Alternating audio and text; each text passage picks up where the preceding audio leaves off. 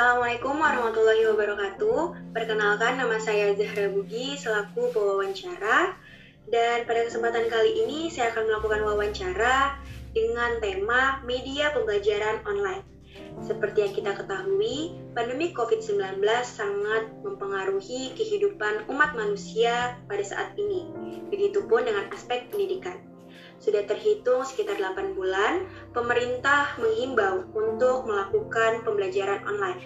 Dan tentunya untuk pengajar dan juga pelajar dituntut harus bisa mengikuti perkembangan teknologi dan media pembelajaran online. Baik, sekarang saya telah bersama dua narasumber saya, yaitu Igesta dan Wian. Mungkin bisa langsung saya mulai ya wawancaranya. Saya ingin bertanya nih kepada kalian. Menurut kalian, tanggapan kalian tuh gimana kepada pemerintah yang menetapkan melakukan pembelajaran online pada saat adanya COVID-19 seperti sekarang ini? Kepada Igesta dipersilahkan untuk menjawab terlebih dahulu. Oke, okay.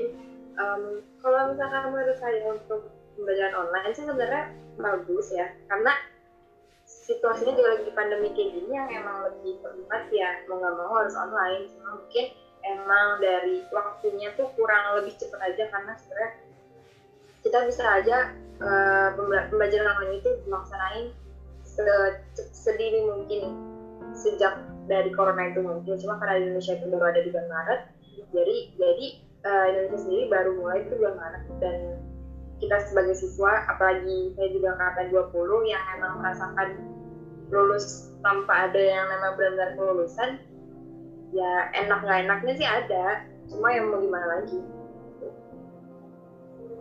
Dan mungkin itu perception sekarang. Oke kalau menurut Wian gimana nih tanggapannya?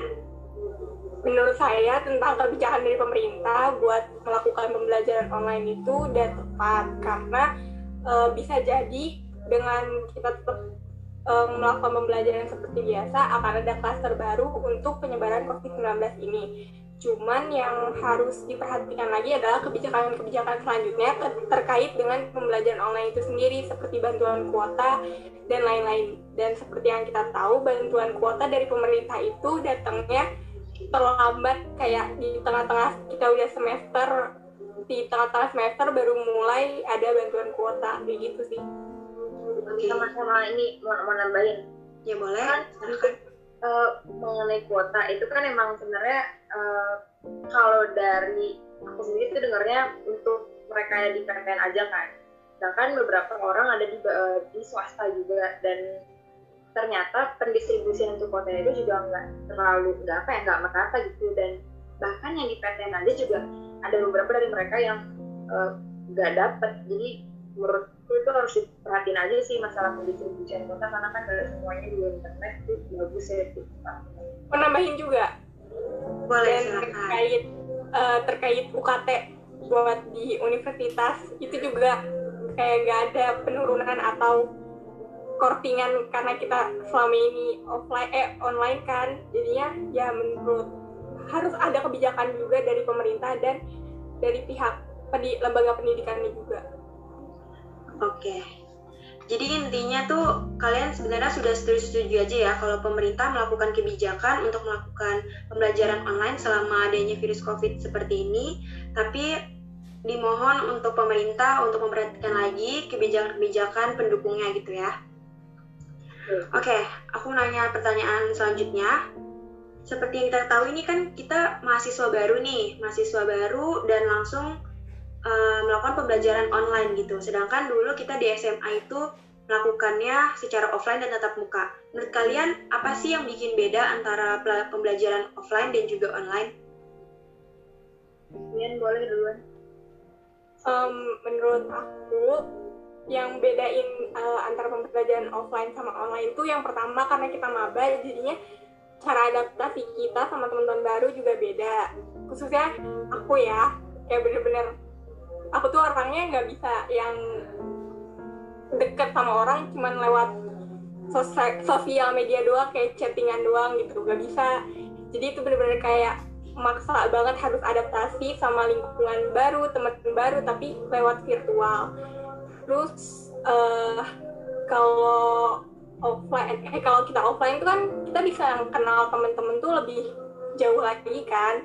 Kalau tentang media pembelajaran ya gak terlalu gimana gimana sih maksudnya gak terlalu banyak adaptasi cuman buat memahami materi-materi yang baru tuh harus lebih banyak lagi ngulik gitu itu sih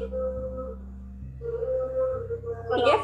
Oke, okay. kalau misalkan dari yang sendiri kan, kalau misalkan ditanya perbedaan offline sama online, tentu beda banget gitu kan. Apalagi kita maba, kita sampai situ udah kuliah gitu, bukan sekolah lagi. Kalau misalkan kuliah tuh nggak enaknya online itu karena ya tadi pertama udah disebutin kita susah untuk beradaptasi sama uh, orang-orang baru kita udah gitu kita beradaptasi harus sama virtual. Terus udah tambahan lagi kalau misalkan kita belajar nggak semua orang itu punya jaringan internet yang bagus. Hmm. uh, khusus lebih khususnya lagi untuk di presiden university sendiri kan pakai bahasa Inggris untuk bahasa pengantarnya. Yang bikin susah kalau misalkan online itu adalah uh, kadang uh, pengucapan atau pronunciations dari dosen itu nggak terlalu ketara. Jadi kita juga kan harus bingung harus wondering juga ini tuh dosen uh, tentang apa sih jelasinnya. Dan juga nggak enaknya karena berhubung sini aku juga anak HI yang mana literaturnya itu kebanyakan pakai bahasa Inggris dan jarang banget ada buku fisik jadi lebih banyak e-booknya udah ditambah kita uh, belajar online via laptop seharian udah gitu ditambah tugas-tugas yang harus nyantap-nyantap laptop lagi dan itu mengganggu bakal mengganggu kesehatan banget sih itu kayak enaknya online. Kalau misalkan offline sendiri kan di Presiden University sendiri tuh ada library juga dan itu akan lebih jauh lebih mudah bagi kita untuk nyari literatur-literatur terkait. Itu sih uh, perbedaan yang signifikan Nah, tadi kan yang aku dengar dari kalian tuh kebanyakan kayak keluhan-keluhannya nih. Nah, tapi pasti ada dong kelebihan dari adanya pembelajaran online seperti sekarang ini. Kira-kira apa tuh kelebihannya? Oke, apa form ya, Wi? Yes, dulu. Kalau misalkan kelebihan dari online sendiri, sebenarnya banyak, tapi nggak nggak sebanyak offline ya. Enaknya tuh kita jamnya fleksibel jadi kalau misalkan kita bisa bangun tidur juga langsung ke laptop juga gampang gitu kan. Jadi kalau misalkan kita sekarang kan pasti di semua kampus seperti yang namanya e-campus karena kita online. Kalau misalkan kita habis uh, belajar di kelas kita masih bisa akses lagi materinya di campus tersebut. Terus juga biasanya dosen itu jauh lebih baik kalau misalkan online.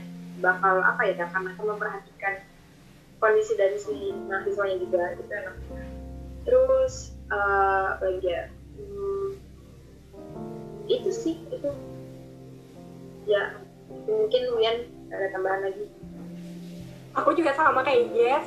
Uh, kayak lebih fleksibel aja waktunya sama. Uh, kita tuh bisa ngulang-ngulang materi terus karena ada di uh, web pembelajaran universitasnya kan. Cuma uh, ya udah sih kayak gitu sama. Lebih banyak keluhannya ya tolong. Oke okay, baik.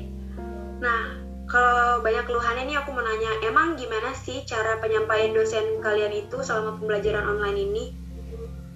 Variatif. Variatif. Variatifnya tuh bisa dijelaskan mungkin seperti apa? Ada ada beberapa dosen yang uh, dia tuh ngerti mahasiswanya banget.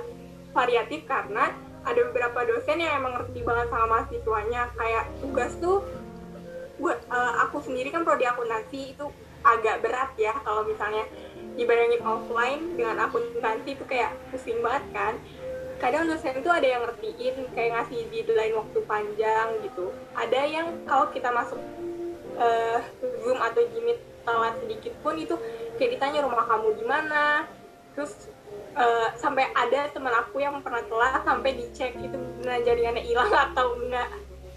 Itu kayak parah banget sih tapi ada tapi lebih banyak dosen yang ngerti kayak benar-benar ngasih video pembelajaran kayak gitu sih. Biar mahasiswa juga ngerti. Kalau IGS hampir hampir hampir sama.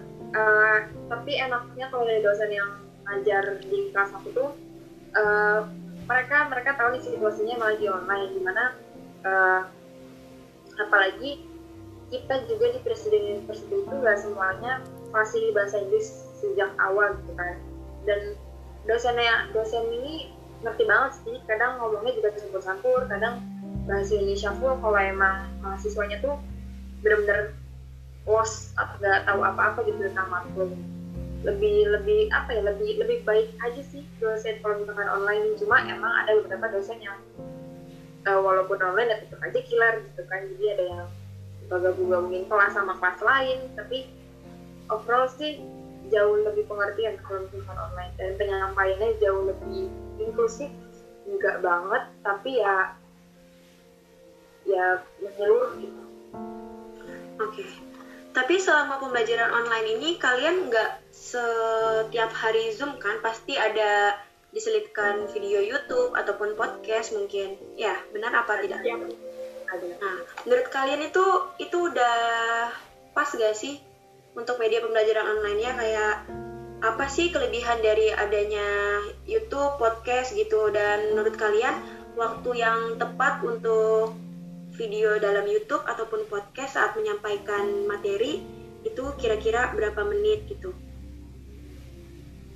Um, kalau kalau kalau aku pribadi ya uh, video itu lumayan efektif kadang soalnya karena di video itu kan jauh lebih jelas gitu kan biasanya terus kalau untuk podcast aku nggak pernah mungkin di sini aku sisa di video aja. Dan kalau misalkan untuk video mungkin better kalau misalkan uh, apa namanya tuh waktunya itu ya nggak lebih dari 15 menit. Kalau misalkan lebih dari itu tuh kayaknya mahasiswa tuh jenuh banget gitu. Apalagi videonya pakai bahasa Inggris terus dengan topik yang berat tanpa ada penjelasan apa pun like ya udah gitu. Mereka nggak akan dapat sense-nya. Oke okay, kalau Wian nih boleh. Sama aku juga sama kayak Jess kayak uh, sebenarnya video pembelajaran itu bener-bener ngebantu banget bener-bener ngebantu banget. Kayak misalnya kita lagi ngerjain tugas dan tugasnya itu serupa sama yang dicontohin di video itu ngebantu banget. Dan buat durasi juga bener gak lebih dari 15 menit. Kayak udah bener-bener pas banget gitu. Dan materinya tuh jelas yang disampaikan gitu. Sama PPT juga itu ngebantu banget. Karena kalau video itu bisa kita lihat ulang terus menerus ya nggak kayak zoom yang cuma bisa satu hari itu aja. Oke pertanyaan terakhir nih. Kan kita belum tahu nih sampai kapan kita akan melakukan pembelajaran online. Nah itu menurut kalian gimana sih? Adakah kesedihan atau kayak senang-senang aja gitu kalian melakukan pembelajaran online ini gitu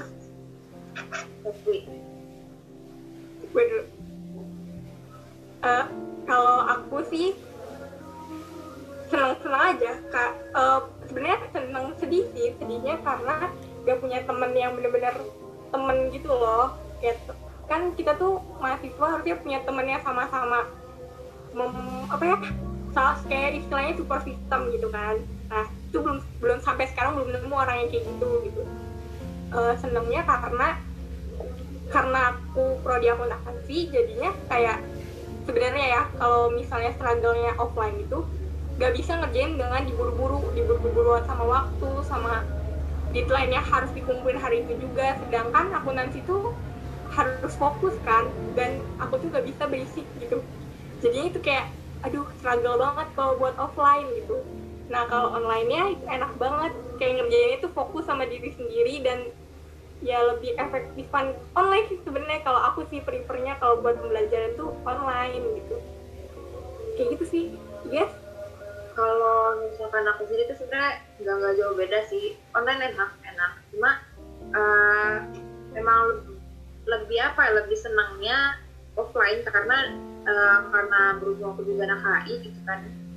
Yang kalau misalkan apa apa tuh lebih enaknya ketemu langsung tetap langsung ngomong langsung tanpa ada virtual kayak gini udah gitu uh, teman-teman aku itu semuanya tuh di luar Jawa semua. Jadi jelas banget waktu kita itu bener-bener beda satu sama lain. Dan itu bakal susah banget kalau misalnya mau bekerja kayak kerja kelompok atau mau diskusi atau gimana. Karena kendala waktu. Jadi kalau misalkan offline kan sekarang langsung satu waktu semua sama. Di dorm atau di kosan juga bisa langsung bareng gitu. Jadi lebih enak juga sih dan gitu literatur kita juga jauh lebih banyak di perpustakaan dan bisa mengakses itu di, di perpustakaan dibandingkan kita offline dan literatur kita juga kebanyakan berbayar dan itu bakal lebih menyulitkan juga Oke, baik baik. Jadi intinya mau pelajar pembelajaran online ataupun offline tuh menurut kalian ya sama aja lah ya karena masing-masing dari keduanya itu mempunyai kekurangan dan kelebihannya.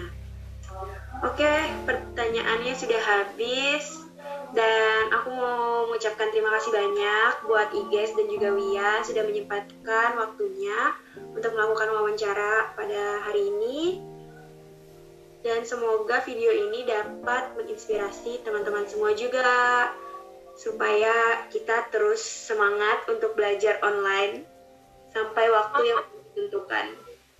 Yuk bisa yuk. Oke, terima kasih ya teman-teman. Assalamualaikum warahmatullahi wabarakatuh.